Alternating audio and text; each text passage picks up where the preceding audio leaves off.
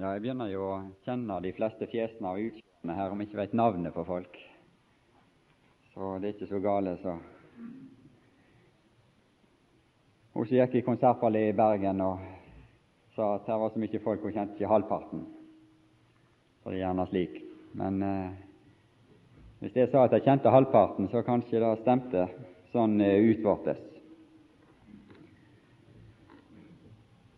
Eh, de som ikke har hørt om meg før eller sett meg før, de kan jo få vite at jeg er fra Bergens område og bor i Bergen og, og har mitt arbeid der. Og eh, jeg driver og taler litt om mer så han ikke har det ikke som yrke eller som inntekt, men eh, som en del av mitt liv. Ja, hvis jeg sa at jeg veit om jeg vet om eh, de fleste, jeg veit nå hvem de er. Jeg veit hvem de er. Så sa jeg eh, noe som er et uttrykk som jeg bruker. De spør kjenner du han der. Kjenner du han karen eller hun dama der? Nei, men jeg veit hvem hun er. Jeg veit hvem han er. Men det er galt. Det er nesten ingen her i salen som veit hvem jeg er, hvis det er noen i det hele tatt. Fordi at for å vite hvem jeg er, så må det være i lag med meg, og det må være litt nærmt innpå meg, og det må ha med meg å gjøre i det daglige.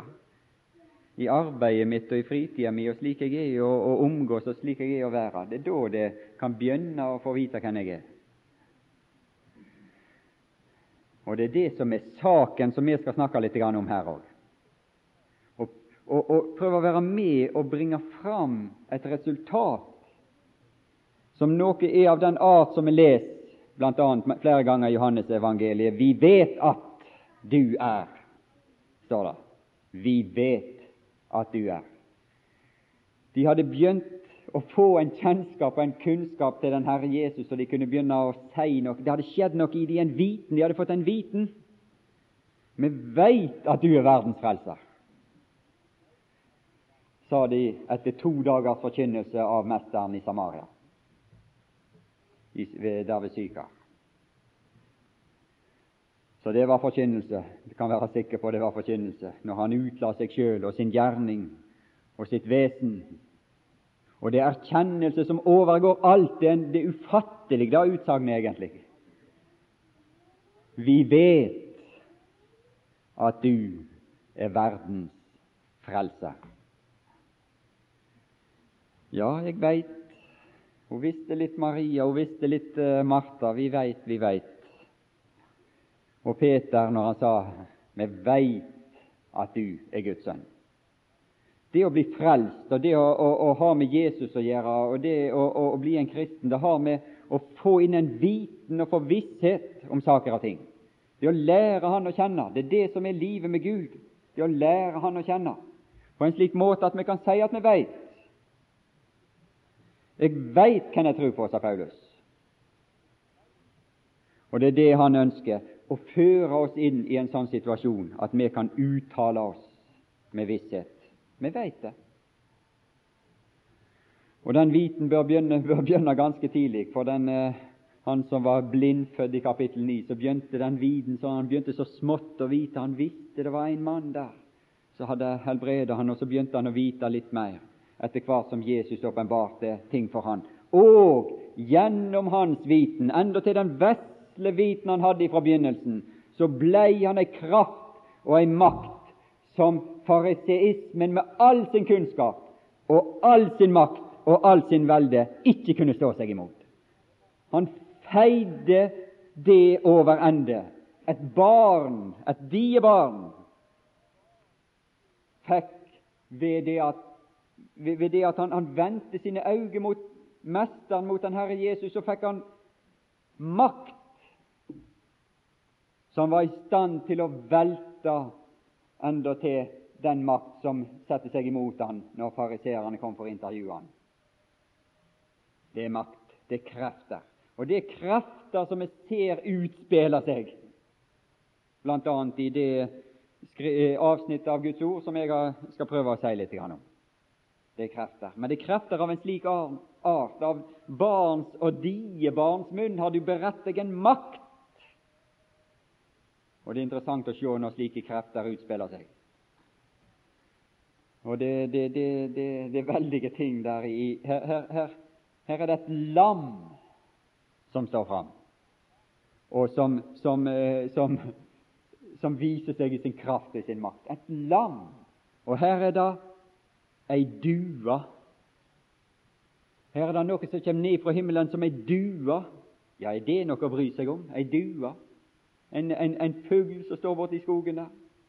Det er ikke ei mektig ørn eller en, en, eller en, falk eller liksom noen av disse her mektige rovdyr. Men ei due, ei mild due.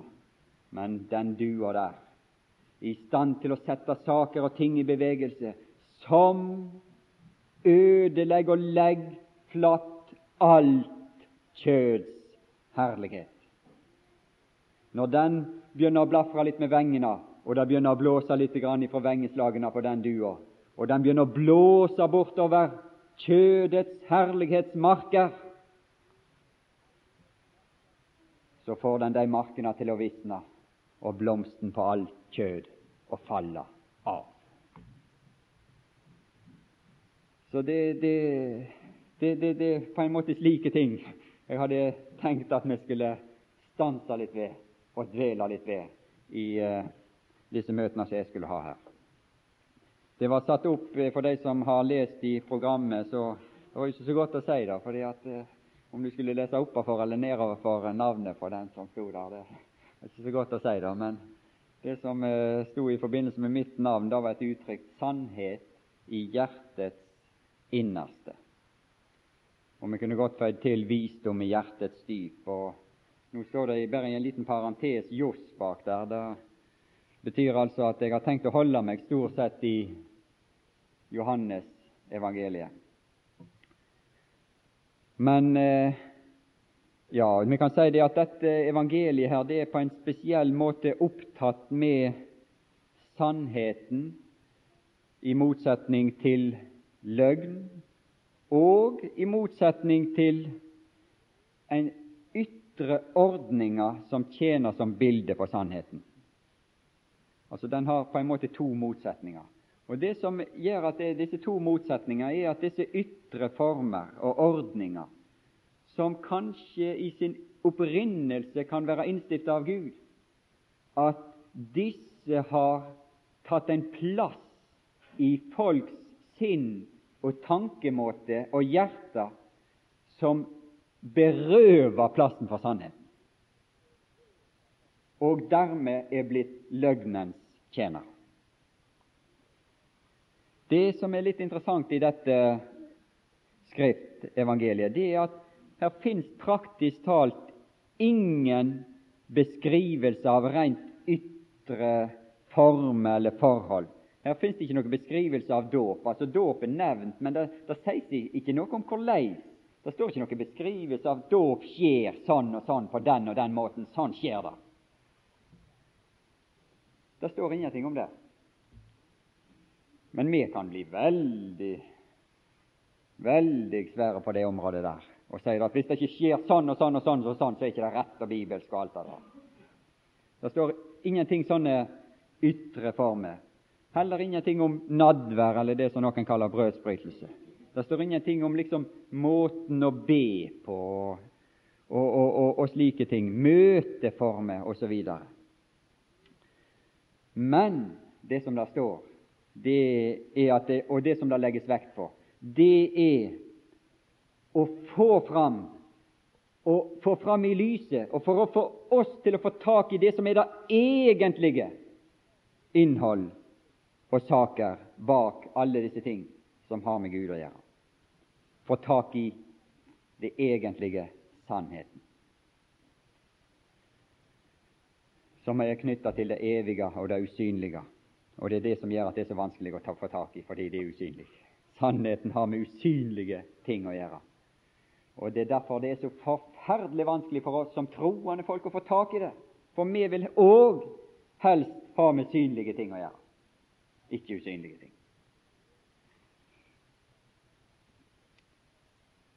Her framstilles Gud, Faderen, slik som han er, og han er ikke noe ritualenes gud, enten de nå er i form av oppstilte formular og regler, eller de at gamlere eller nyere tradisjoner. For vi trenger ikke mer enn det et par-tre år for å danne en tradisjon og si at slik skal det være. Slik må det være. Slik må uh, møtene våre være, og slik må innholdet være, og slik må sangen vår være, og slik må formen på alt være. liksom. Det skal ikke mer enn et par år til, så har vi en tradisjon på det òg.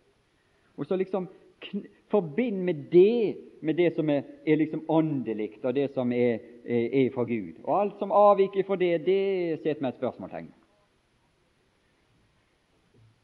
Kanskje disse møtene kunne være med og bidra til å rive ned litt av den slags ifra vår tankegang og vårt sinn og vår bedømmelse, slik at når vi skal dømme ting om ting og, be, be, og, og bedømme ting, at det kan være noe som går ut ifra en annen grunnvoll, nemlig sannheten. Men skal det skje, så må sannheten, det evige, det usynlige, det må få plass i vårt hjerte, og det må fylle vårt hjerte på en sånn måte at vi er i stand til å dømme åndelig også om disse ytre forhold og synlige forhold i denne verden. Gud han dømmer oss heller ikke etter det ytre. Han dømmer kun etter innvortes kvaliteter.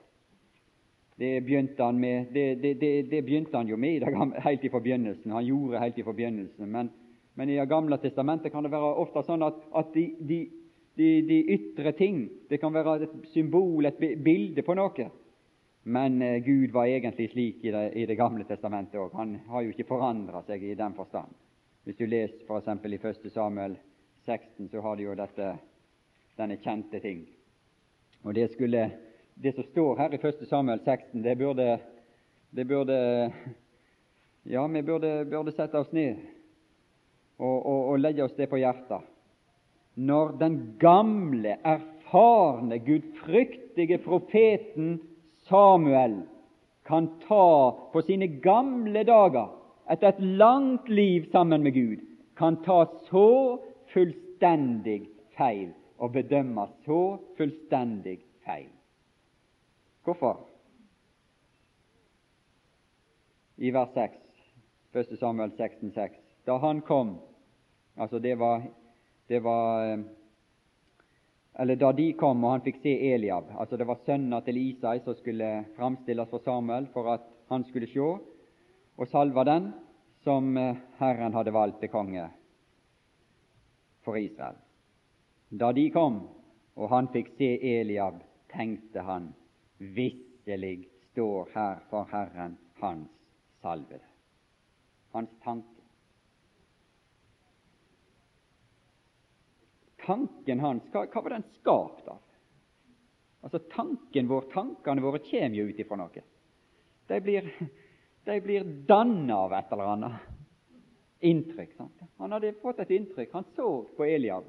Han, han så på disse sønnene som kom fram.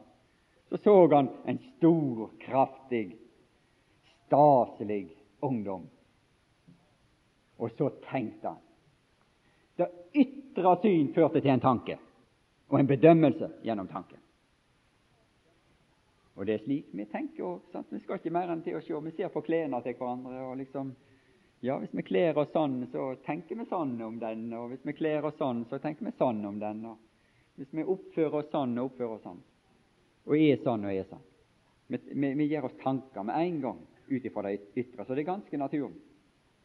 Men Herren sa til Samuel Se ikke ikke på hans utseende og på hans høye vekst. Se ikke på det, for jeg har forkastet ham, altså som konge. Jeg ser ikke på hva mennesket ser på.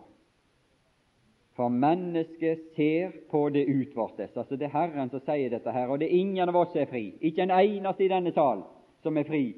Og, og, og det er det om, om kunne, at, at, Herrens ord kunne være med og føre inn i oss ting som gjør at vi i hvert fall kunne bli løst til en viss grad ifra sånne ting. Det er det Herren har lyst til.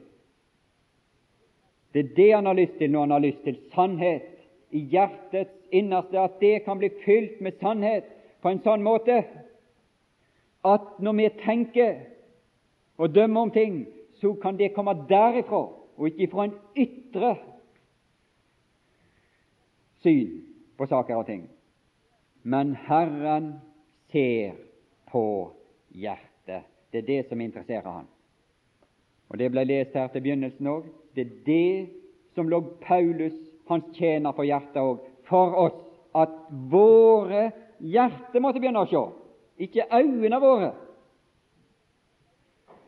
men at våre hjerter måtte begynne å se på storheter og størrelser i den usynlige verden og herlighet er, som kan være med og sette oss i stand til å bedømme også de synlige ting i denne verden i neste omgang.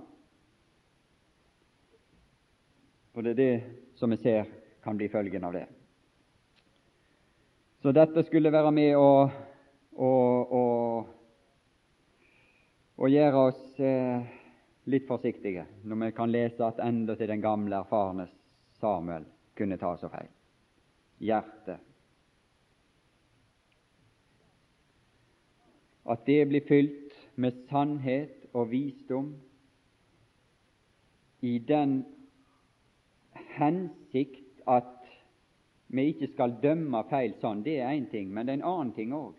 Og det er nemlig at når dette blir fylt med disse ting, så kan det være også være med å bevare oss ifra å la oss bedra og besnære og falle ved disse utvortes ting som appellerer til våre sanser og lyster. Og det fikk den samme David som kom litt seinere ned i kapittelet her, som eh, ble utvalgt. Da skal vi gjerne tale oss litt om det òg i løpet av, av, disse dager. Det hadde David skjønt, og det hadde David forstått. Og eh, Nå kan vi gå til eh, den salme 51 som er liksom der jeg har henta dette uttrykket fra. Selv om det ikke sto i programmet, der, så er det der liksom selve uttrykket er henta ifra. Og skal gjerne ikke si så mye om Johannes akkurat nå, men prøve å komme inn på det etter hvert seinere i veka. David hadde skjønt, og David hadde forstått, at det var dette i hjertets indre som Gud interesserte seg for og som Gud hadde behag og interesse i, ble fylt med sannhet. I Salme 51 så hadde David i bokstavelig eh, forstand så hadde han latt seg forføre av de ytre former. De ytre former hadde forført ham. han hadde latt de ytre former ta makten over seg, over sinnet, over tanken, og i neste omgang over handlingen. Det utvortes, det som appellerte til hans kjød. Og han var svak på dette området som hette kvinner. Der hadde han en det ut for, svakhet, som han, eh, og, og hadde veldig vanskelig for å styre sine lyster på det området der. Og i et slikt øyeblikk, når han gikk og rak, så det står, opp på taket, sto det i min gamle bibel Han for og rak rundt på taket. Og, og, og, liksom opp, begynte å oppholde seg med denne verden og disse tingene her. Så kom dette inn, og så lot disse ting han eh, eh De fikk overtak i han, og så forførte de han. Men det behøver ikke være den slags ting som forfører oss akkurat, at vi kan greie å holde kontrollen akkurat der, på det området. Men det kan være så mange andre ting, slike ytre ting, som appellerer til våre sanser og vårt kjøl. Og så blander vi dette halvt opp igjen, opp med litt sånne religiøse følelser, kanskje. Og så tror vi da at det er åndelig, plutselig. Og da måtte, måtte et kraftig ord ifra Herren, ifra Gud, til for å få han til å forstå at han ennå hadde synder før det kom en erkjennelse inn i han. Og Gud sendte sitt ord til han, og Gud talte til han ved profeten. Det står, det står i begynnelsen her. Og, og, og det ble åpenbart for han hva dette her egentlig han hadde gjort, hva dette dreier seg om. Han ble truffet av et ord for Gud. Og det er slik, og jeg er overbevist om det, at Gud taler til sine når de faller. Om vi har øyre, og vi har et hjerte, og vi har interesse av å la oss dømme av Gud, så vil Hans ord tale til oss. Og så vil Han tale til oss ved slike ord som Han har, har, har latt nedtegne i, sitt, i sin bok. Det vil komme oss, til oss og tale til oss. Og Da er det om å gjøre at vi ikke rømmer, og at vi ikke liksom får dem vekk. Og ikke liksom Disse ordene vil ikke vi høre. Vi vil ikke la oss dømme av disse tingene her. For, for hvis vi går inn på den, den uh, veien, som, som, det er muligheter for som troende folk å gjøre, så går vi ut på en dødens vei som kristen. Da, da, da, da er det Ja, da, bare farer vi bort ifra Guds åsyn men at vi, vi kommer til erkjennelse slik som han gjorde her, når vi også eh, at vi lar oss dømme av Gud og, og av profetens ord. Og når han da ting begynner å gå opp for han og erkjenne, hva gjør han da? Tror han da at ja, nei, da, nå må jeg, nå må jeg springe til, til presten og få skriftemål? Det skal liksom løse opp i denne saken her. må jeg lage meg i stand med et svære offer og gå bort på tempelplassen, eller der som eh, tabernaklet sto på den tid, og, og, og nå må jeg stelle i stand et offer, og, sånt, og så er denne saken her ute av verden. Ja, man kunne jo tenkt sånn. Det er mange som tenker sånn, og det er mange som praktiserer sånne ting. Som et ytre form har det noe verdi for Gud hadde, var det denne Gud David hadde lært å kjenne? Langt ifra. Langt ifra. Gud hadde ikke lært en slik Gud å kjenne. Han hadde lært en annen Gud som var interessert i andre ting enn akkurat det. Han var i sitt vesen totalt forskjellig fra å være en ritualgud han hadde andre egenskaper. Og det var det som var Davids lykke i denne situasjonen, var at han kjente Gud. Han hadde begynt å kjenne Gud. Han hadde begynt å si det at 'ja, jeg veit om Gud'. Jeg, begynt, jeg, jeg, har vært såpass mye i lag med Gud. Jeg har sett såpass mye av Gud. Og så henvender han seg til denne Gud, og så henvender han seg til hans egenskaper til sider ved han. Barmhjertighet, miskunnhet. Han visste at Gud var en barmhjertig Gud. Han visste at Gud var en miskunnhetsgud. Han visste om Guds hjerte, og han visste hva som bodde i Guds hjerte. Og så er det det han, han, han, han går Herren i møte med. Han begynner å tale om, om, om, om Guds hjertelag. Det står jo i Titus 3 for eksempel, der om, om, om hans hjertelag, om Guds eh, kjærlighet og mildhet og hjertelag til menneskenes barn. Da frelste han oss. Hvordan? Ut ifra sin miskunnhet, ved sin miskunnhet. Og han vil vise miskunn, det hadde Moses endatil sagt, står det i Romerbrevet 9. At det er ved hans miskunn at han frelser. Det er ved hans barmhjertighet han frelser. Han frelser ikke ved, ved, ytre forhold og saker og ting, men han frelser og kommer oss i møte. Det er hans hjertelag, det er hans miskunnhet, det er hans barmhjertighet. Det er slike ting i hans hjerte som, som har med vår frelse å gjøre. Og dette hadde David lært, og derfor gikk han dit når han hadde synda. Er det der du og meg går? når vi har synda, og når vi kjenner at her er noe som er galt, her er noe som, som er tatt overhånd i våre liv. Er det den veien? Eller prøver vi med all slags andre ting og tror at vi skal liksom komme unna dette her ved all slags ytre øvelser? Og han viste miskunn, og det, det, det, viste han mot, mot sine egne. Det viste han mot Israel, det viser han mot hedningene, det viser han mot oss han viste miskunnhet. Han er en miskunnelig Gud. Og det, det er f.eks. i Romerbrevet 11 der, så står det om, om eh, i vers 30 at like som dere før var ulydige mot Gud, for at de også kunne få mis, ja, men nå har fått miskunn ved disses ulydighet. Altså Han taler om, om hedningene og jødene her, jødefolk og hedningene. Men nå har fått miskunn. Det er det vi har fått. Det er slik han frelser.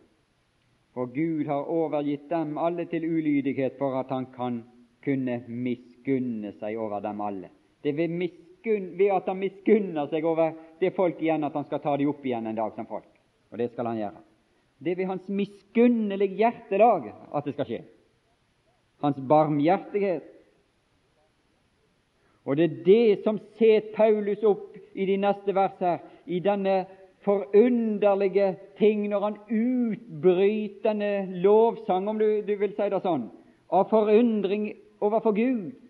Han har lært Guds hjertelag, Guds hjerte og det som bor i hans hjerte, å kjenne. Hvem kjente Herren sin? Men han har gjort sitt sinn og sitt hjertelag. Det har han vist. Og så formaner han også ved Guds miskunn i det neste kapittel til et hellig liv for troens folk. Barmhjertighet. Jeg, det hadde de aldri fått tak i fariseerne. De hadde studert Moselov opp og ned og kunne den framlengs og baklengs og utenat, pluss en hel del av sine egne lover og tanker så de hadde lagt seg til på egen hånd ut ifra dette her og som Jesus i Johannes evangeliet angrep.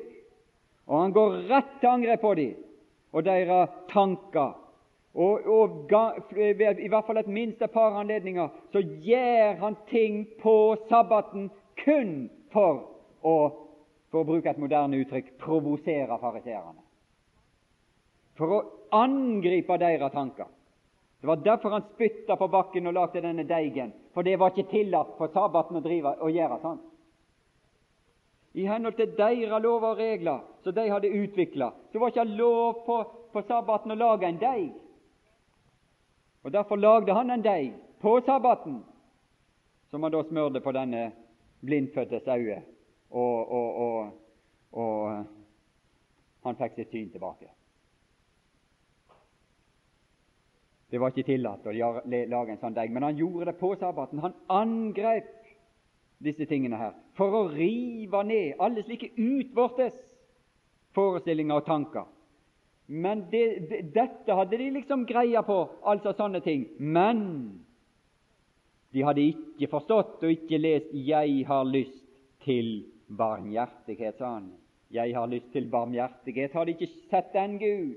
Kjenner ikke det den Gud? Den barmhjertige Gud.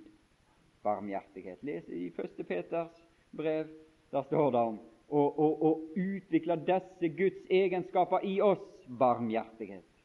Barmhjertighet. Det trengs iblant oss, imellom oss, for at tingene skal begynne å fungere også mellom oss, som vi også kanskje skal se litt på seinere. For det er et samfunn, det er en familie, det er noen Guds barn som skulle fungere sammen, med ulike egenskaper og med ulike hadde nær sagt naturlige eh, sånne, sånne, ting som de, de, de, de, har på en måte at det er dette, det, det dette jeg syns det er noe. Ja, men det er dette jeg syns det er noe. Ja, men det er dette jeg syns det er noe. Og så skal Jesus få alle disse her som er hans, til å fungere sammen. Det går an, men det er vanskelig. Men det er et eksempel på og vi, kan, vi, vi ser hvordan Jesus eh, går inn i et sånt forhold og får ting til å fungere etter hans hensikt, også i, i Johannes 11 og 12.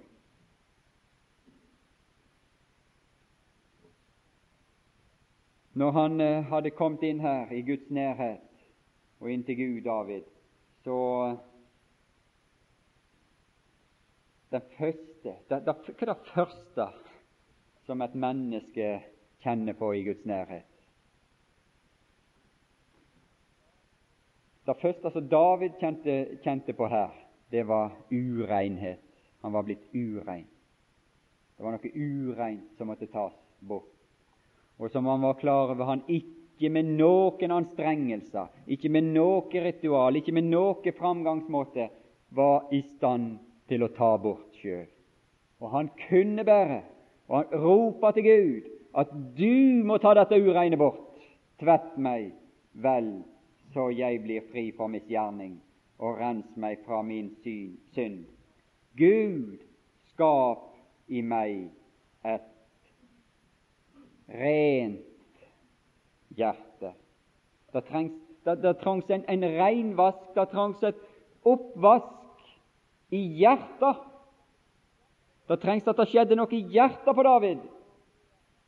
Og Han var klar over det at det som skulle utvirkes i det hjertet, hans hjerte, var det bare Gud som kunne gjøre. Gud, skap i meg et reint hjerte. Ja, ja, renhet. Det, det, det, det er helt nødvendig i Guds nærhet med renhet. Hvis du ser i Det gamle testamentet, så ser du når de skulle tre der framfor Gud, så var det renselsesseremonier. Og de, de, de, de, måtte seg rense, rense seg ved all slags ytre seremonier når, når, de skulle gå framfor Gud i, sånn, i, i disse ytre seremoniene.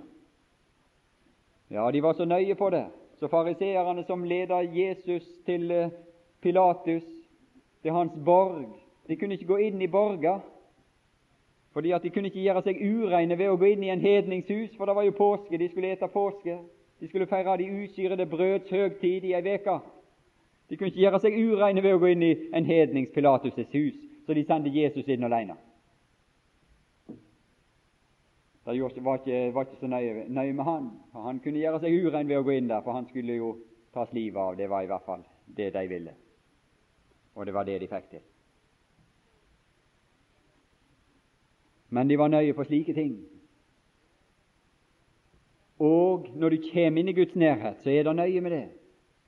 At det kommer inn saker og ting som, som, Når det kommer inn saker og ting i hjertet som gjør hjertet ureint, at det kan komme ut. Hva er det som skal til for å, å, å hva er det som, Hvem er det som kan ordne opp i sånne saker? Hvem er det som har adgang inn i hjertet med vaskekluten? eller med det som renselsesmiddelet som skal til. Gud. Gud. Han visste det var ingen andre enn Gud som kunne gjøre den gjerning.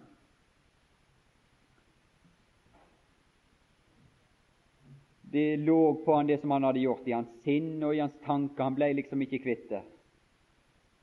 Mine overtredelser kjenner jeg, og min synd er alltid for meg. Mot deg alene har jeg syndet, og hva ondt er i dine øyne. Det, det er godt med et menneske som forstår at dette er ondt i Herrens øyne, det som han har gjort. Har jeg gjort. Og hva ondt er i dine øyne, har jeg gjort. Og han visste at det var en rettferdig Gud han hadde med å gjøre. Når Gud dømte han, så gav han Gud rett. Du har rett, Gud, når du dømmer meg. Se, jeg er født i misgjerning, og min mor har unnfanget meg i synd. Se, så er det et annet se. Først ser han på seg sjøl, først konstaterer han en ting om sitt eget, og så har han sett noe annet, og erfart noe annet, og skjønt noe annet. Disse ting som han var kommet borti. Han visste det var kun Gud, sa jeg. At det var kun Gud som kunne ordne opp i det. Vær meg nådig, Gud. Gud skap i meg et rent hjerte. Fri meg fra blodskyld. Gud, min frelses Gud. Det var ingen andre enn Gud som kunne ordne opp i dette. Nå hadde Gud sagt forskjellige ting om syndoffer og om skyldoffer, og han hadde lagd en hel institusjon som skulle ordne med slike ting. Men David kjente Gud godt nok til å vite at dette var ikke det som egentlig kunne ordne opp. Slike ytre ting kunne ikke ordne opp og ta bort hans syndeskyld. For han sier det, han, og erkjenner det i vers 18 her. For du har ikke lyst til slaktoffer, ellers ville jeg gi deg det. I brennoffer har du ikke behag. ikke det er rart at David sier det? For Gud hadde jo lagt foreskrifter om både slaktoffer og brennoffer. Men han visste det at om han hadde ofra tusen okser, om han hadde gått ut Han kunne, hadde ingen problemer med å gå ut og hente tusen av de flotteste oksene og slakte de. Om det kunne ha hjulpet han i den situasjonen han hadde kommet i, men han visste det, det ville ikke hjelpe hans hjerte. Offeret for Gud er en sønderbrutt ånd, og et sønderbrutt og sønderknust hjerte vil du, Gud, ikke forakte. Og det er det hjertet han ser her. Og så har Gud en lyst for dette hjertet, som står i vers 8. Se, du har lyst. Gud har lyst på hjertet vårt. Det er det han har, ikke noe mindre. Han spør etter hjertet vårt. Se, du har lyst til sannhet i hjertets innerste så lær meg da visdom i hjertets dyp.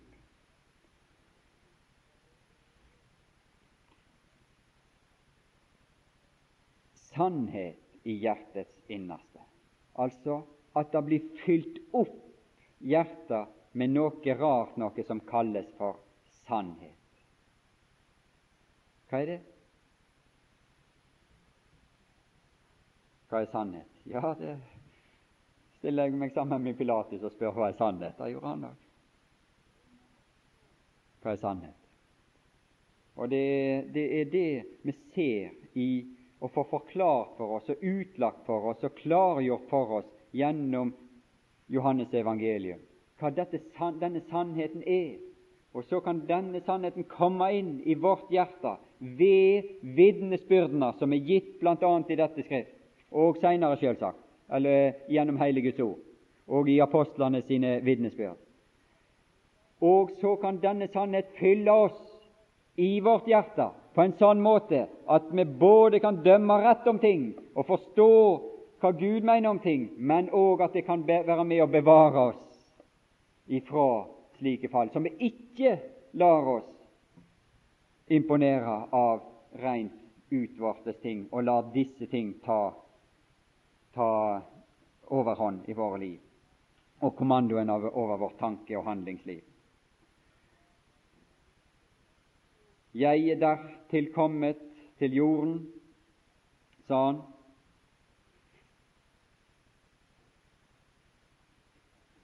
For å vitne for sannheten. Når han sto framfor Pilatus der. Jeg er dertil født og dertil kommet til verden at jeg skal vitne for sannheten. Det er rart. Det er, gjennom, det er nemlig slik det skjer. Det er gjennom et vitnesbyrd at sannheten kan komme inn i våre hjerter. At lyset, opplysningen om disse ting, kan komme inn i vårt hjerte. For Det står helt i begynnelsen på dette her eh, skrift, Johannes evangeliet, så står det at lyset kom, men mørket, og vi var i mørket, tok ikke imot lyset. Lyset skinner i mørket, og mørket tok ikke imot det. Hva gjorde Gud med det? Hva gjorde Gud med den saken? Lot han oss være der i mørket? Nei, han, han, han, han, gjorde noe med det. Hvordan var det han skulle greie å føre lys inn i dette mørket og opplyse oss? For lyset skinte i mørket, lyset var der, men vi tok ikke imot det. Nei, det var ved et vitne. Han sendte et vitne, står det litt like nedenfor der. Et vitne, Der framsto en mann utsendt ifra Gud, hans navn var Johannes. Han kom til vitnesbyrd for å vitne om lyset. Ja, men lyset sto jo der. Alle kunne vel se det. Nei, men de så det ikke. Vi hadde ikke øye. Vi hadde ikke vi hadde ikke egenskaper til å ta imot lyset. Men det kom et vitnesbyrd om lyset for at alle skulle komme til troen ved Han. Han var ikke lyset, men han skulle vitne om lyset. Altså Det var et vitnesbyrd som måtte til for at lyset skulle komme inn i mennesket. Og det er et vitnesbyrd om sannheten som må til for at sannheten skal kunne komme inn og bo i hjertet. Og dertil var Jesus kommet. Dertil var han født. Det er hensikt med hans fødsel, sier han her. Og dertil har jeg kommet til verden at jeg skal vitne for sannheten, slik at sannheten skal komme inn i hjertet på den som vil høre hans røst, han som er også selve sannheten. Og det var noen mennesker som hørte. De satte seg ned og hørte.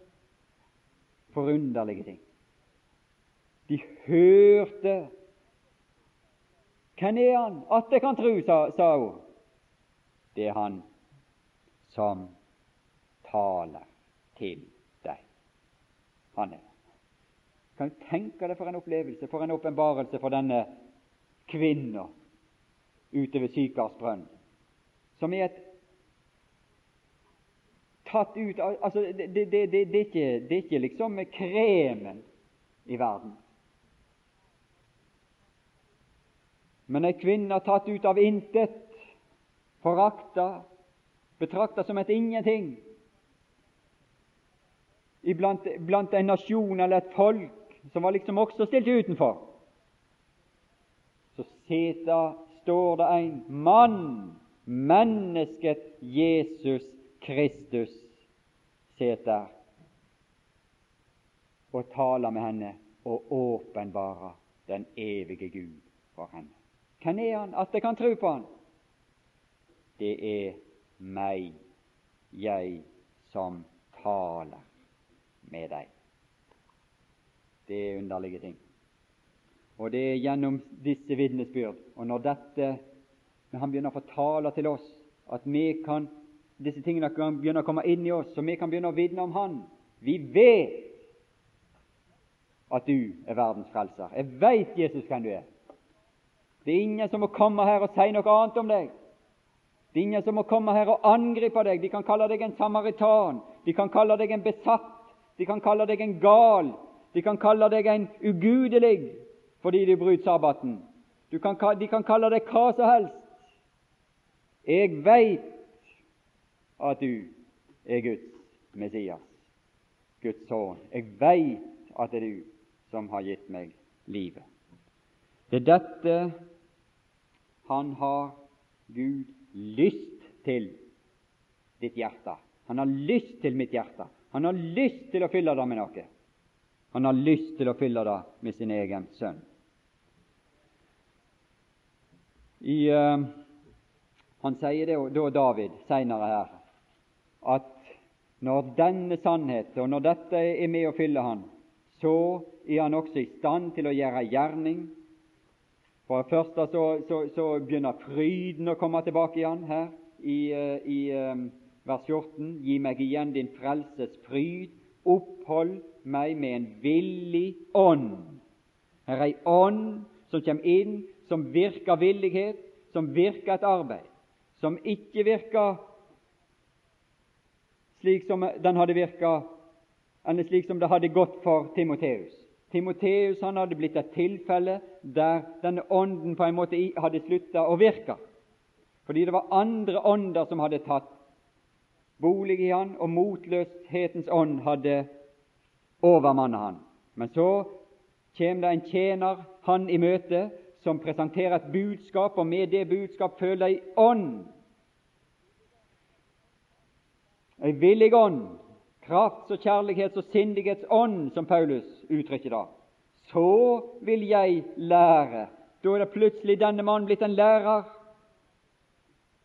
Din overtredere dine veier, og syndere skal omvende seg til deg. Og Vi ser den samme skjer i Paulus' liv. Det har vært nevnt her og utlagt i, i grunnen her fra denne talerstol eh, før om året her, i 1. Timoteus brev, hvordan Paulus blei omvendt, hvordan han ble, møtte Gud, hvordan sannheten begynte å ta bolig i hans hjerte, hvordan han ble opplyst om Guds vilje, og hvordan denne Guds vilje eh, tok bolig i hans hjerte. Guds vilje som er og at alle mennesker skal bli frelst og komme til sannhetserkjennelse. Det hadde skjedd med han, han hadde blitt frelst, han hadde begynt å få tak i den usynlige konge, den evige konge. Han hadde begynt å innta disse evige, usynlige ting. Og så var denne Guds vilje plassert i hans hjerte og blitt en del av hans person, og han var begynt å utøve ei tjeneste også for sannheten der, når han sier det at han er blitt en tjener for og en apostel for dette, for Guds vilje, som er at alle mennesker skal bli frelst og komme til sannhetens erkjennelse. For dette er jeg satt til forkynner og apostel. Jeg sier sannhet, jeg lyver ikke, en lærer for hedningene i tro og sannhet. Det skjedde med han, og han blei en slik som det utgikk liv ifra sjøl, og han var i stand til i andre brev å tilføre, eh, tilføre Timoteus den, de, de, dette liv og denne uforgjengelighet og det som har med sannheten å gjøre, var han i stand til å tilføre Timoteus slik at det kom en ny ånd av villighet, av kraft og kjærlighet og sindighet inn i Timoteus, så han kunne begynne å fungere og røre på seg. Han hadde lagt seg død ned der, Timoteus. Og så kom det en og framførte liv og uforgjengelighet framfor han ved, ved evangeliet, ved forkynnelse, og vekte han opp, om du kan si, nesten ifra de døde. Han sa 'stå opp ifra de døde', så er det like som Paulus sier til Timoteus. Våkne opp! Du skal ikke ligge der og sove. Våkne opp! Begynn å fungere. Begynn, å, begynn, å, begynn å, å, å, fungere igjen iblant troens folk. Og ikke, ikke ligg der som en sovende, som en, som en død, men våkne opp. Og det var som sagt dette med, med liv og uforgjengelighet, de usynlige ting som han hadde fått inntatt, som satte Paulus i stand til å utøve også ei sånn tjeneste. Så han ble sjøl et vitne for sannheten. Det var Jesus som hadde lært han. Han var et vitnesbyrd i sin tid, og så kom da eh, Paulus videre, og han vitna videre. Og han har tala om også om et vitnesbyrd som skal gå videre. Og da kan vi òg være med i sammenhenger slik som, eh, som eh, det står om i, i Salme 51 på, på slutten der, at da skal du ha behag i, i slutten på Salme 51. Da skal du ha behag i rettferdighetsofre, i brennoffer og heloffer. Da skal de ofre okser på ditt alter. Da, da skjer ting i en form. Da kommer vi sammen etter, etter visse mønster og sånne ting. da. Det er greit nok, slik som, som Gud har talt om og sagt om. Men kommer sammen i disse mønstrene, og at alt blir bare i slik ytre form, uten disse andre tingene her, at de fyller vårt hjerte, så er det lett for at disse formene utvikler noe i vår tanke som ikke er av Gud, slik som det hadde utvikla seg i fariseerne sin tanke. De hadde en rekke regler og lover i tillegg til det som Gud hadde sagt, og som ikke var av Gud, og som stengte for Jesu vitnesbyrd og Jesu gjerning iblant dem. Men når disse tingene kommer inn og kommer fra hjertet, at det er nåde og barmhjertighet og miskunnhet som, som, som, som, som er inntatt og fyller dette hjertet, så kan vi også være i stand til å fungere i en sammenheng etter det Herrens vitnesbyrd som Han har laga her. Det tror jeg skal gi meg med det i kveld, da, så får vi se hva det kan bli seinere. Om det kunne ha fått i hvert fall litt appetitt på, på en del ting fra Johannes som vi skal prøve å nevne seinere. Herre Jesus, vi vil takke deg for ditt ord, ditt vitnesbyrd, som vi har fått gjennom din bok. Vi takker deg også for vitner opp gjennom tiden som har hjulpet oss til å skjønne og forstå de tingene som står her. Vi takker deg fordi at når vi tok imot deg, så gav du oss din ånd, som er i stand til å opplyse oss når vi leser, når vi hører ditt ord, og forstår, så vi kan skjønne og forstå disse tingene her, så vi kan begynne å vite litt om hvem du er, og som kan være med å dømme og kan være med å ta bort glansen ifra denne verdens herlighet, slik som vi leser om de ånd. At den, den når den blåser på graset, så på kjødets herlighet, så er det som om den blåser på graset. Der visner herligheten felt av.